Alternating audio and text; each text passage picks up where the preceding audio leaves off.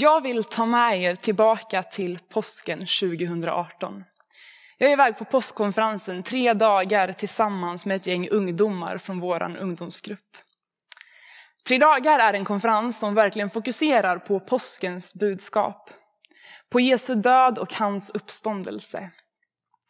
Och under ett av kvällsmötena när jag står och sjunger lovsång så får jag se en bild framför mig över hur jag står och pressar ner den törnekrona som Jesus bar under sin korsfästelse över mitt eget huvud.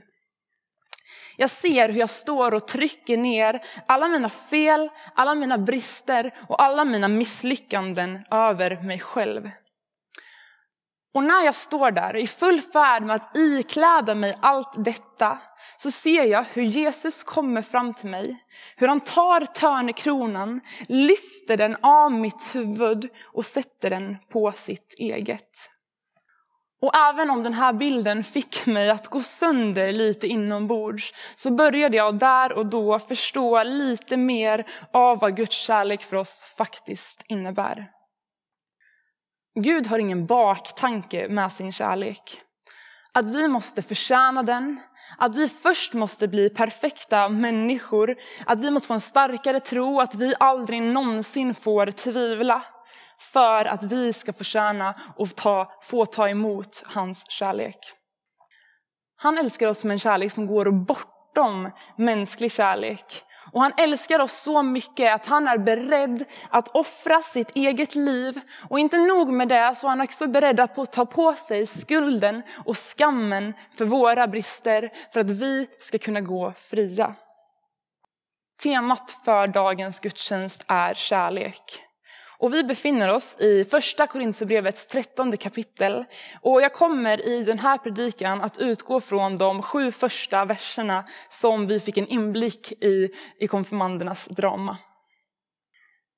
Men anledningen att jag ville börja i den här bilden från tre dagar är för att det är där allting börjar för oss.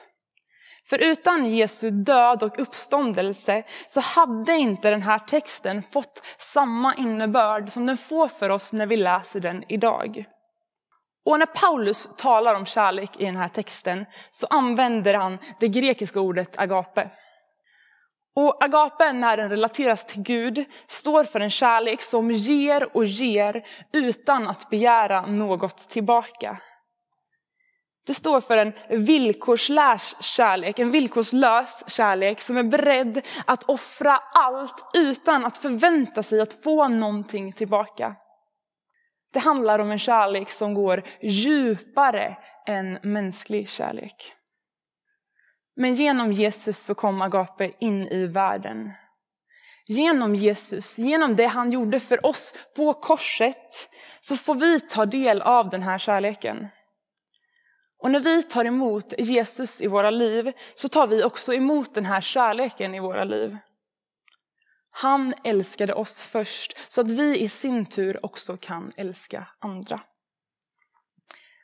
Och vi kommer nu kliva in i dagens text och jag vill ta med er igenom den lite bit för bit. Och vi börjar i den första versen där det står Om jag talar både människors och änglars språk men inte har kärlek är jag bara ekande brons eller en skrällande symbol. Vi som har tagit emot Jesus som Herre i våra liv, vi har fått ett större perspektiv. Vi har fått ta del av en andlig verklighet där vi inte längre bara talar människors språk.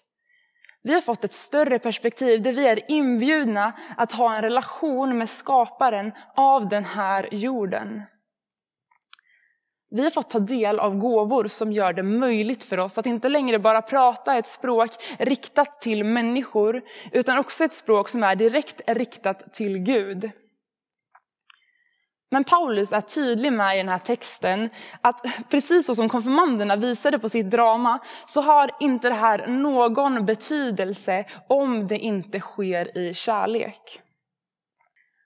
Och om vi läser den andra versen så står det om jag har profetisk gåva och vet alla hemligheterna och har all kunskap.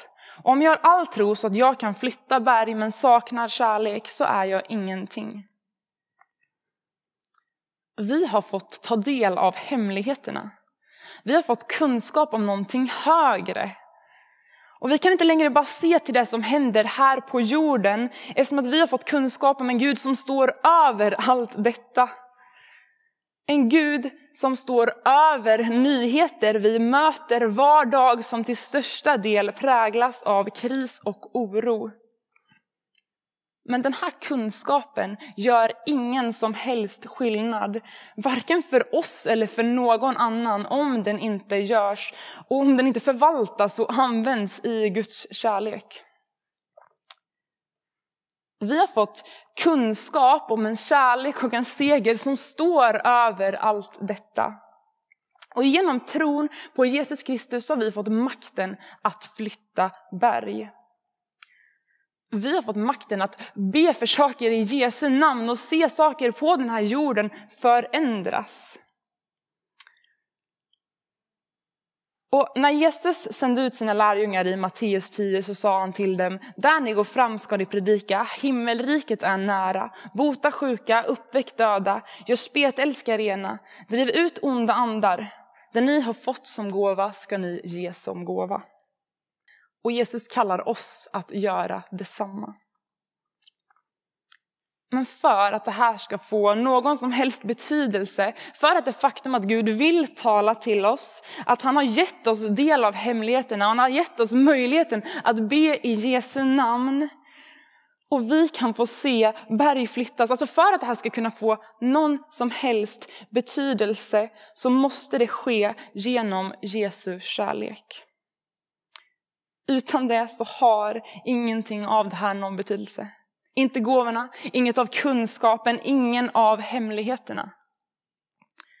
Men används dessa gåvor i ljuset av Jesu kärlek, då kan de få bli till uppmuntran och uppbyggelse för många.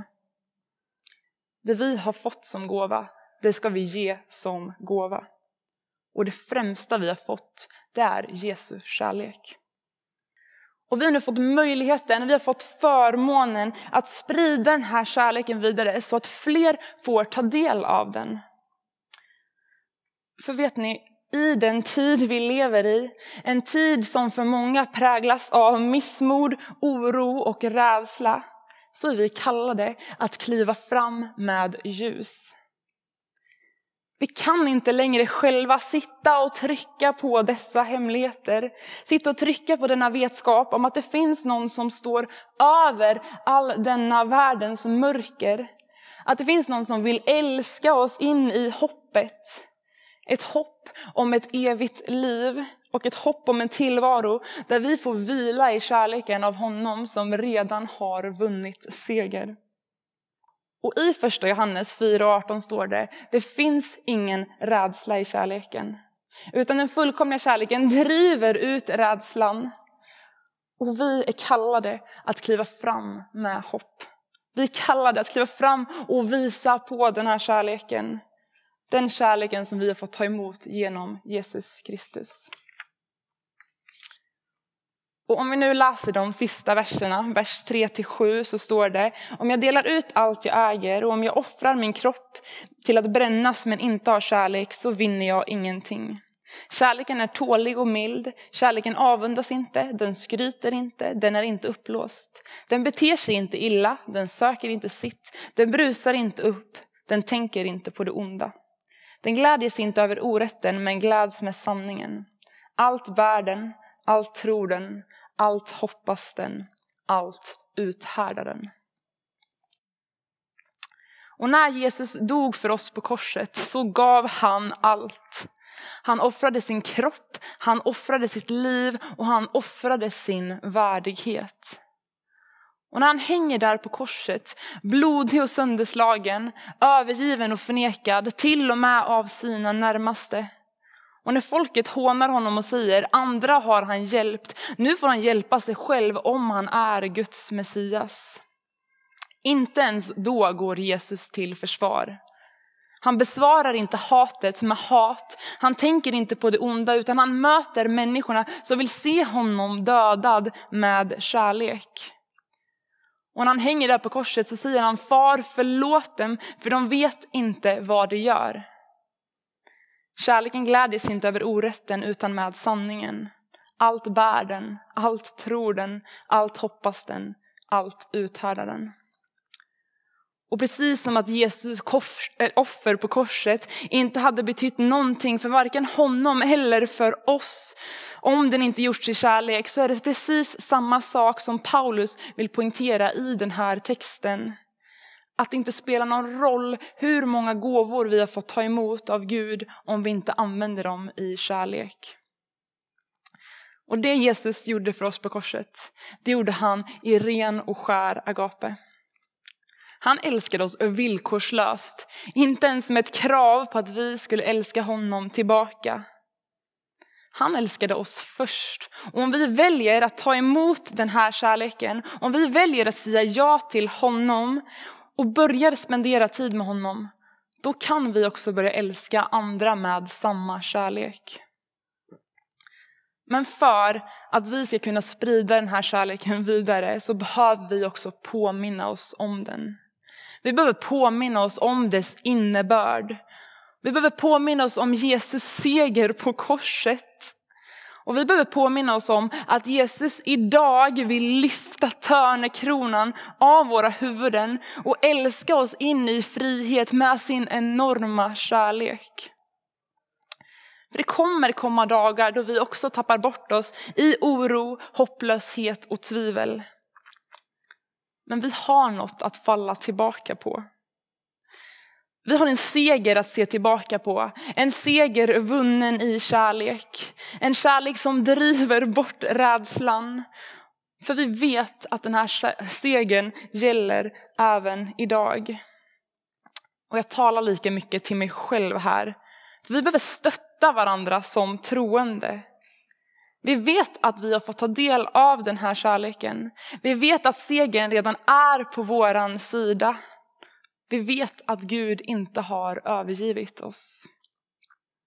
Men vi behöver påminna varandra om att det här är en Guds sanning som står fast även när allt annat runt omkring oss vacklar. Och jag vill utmana dig den här veckan att tänka till kring vad du kan göra för att sprida Guds kärlek till någon i din närhet. Kanske är det någon som du ska ringa eller smsa och uppmuntra. Kanske är det någon du ska skicka ett bibelord till. Eller någon du tänker på som du ska be en extra bön för.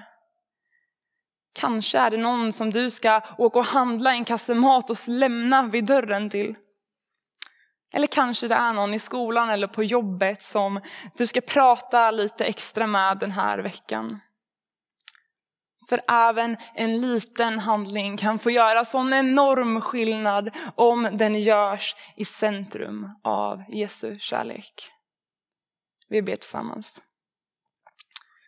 Tack Jesus för att du har älskat oss först. Tack för att du har älskat oss med en kärlek som övergår allting annat. En kärlek som, där vi får ta del av din seger och att vi får ta del av den segern idag. Och jag ber att vi verkligen ska få uppleva den här kärleken idag, uppleva den i våra liv så att vi också kan få sprida den vidare till människor i vår närhet. Tack för att du står med oss i allt, även allt annat vacklar. Tack Jesus. Amen.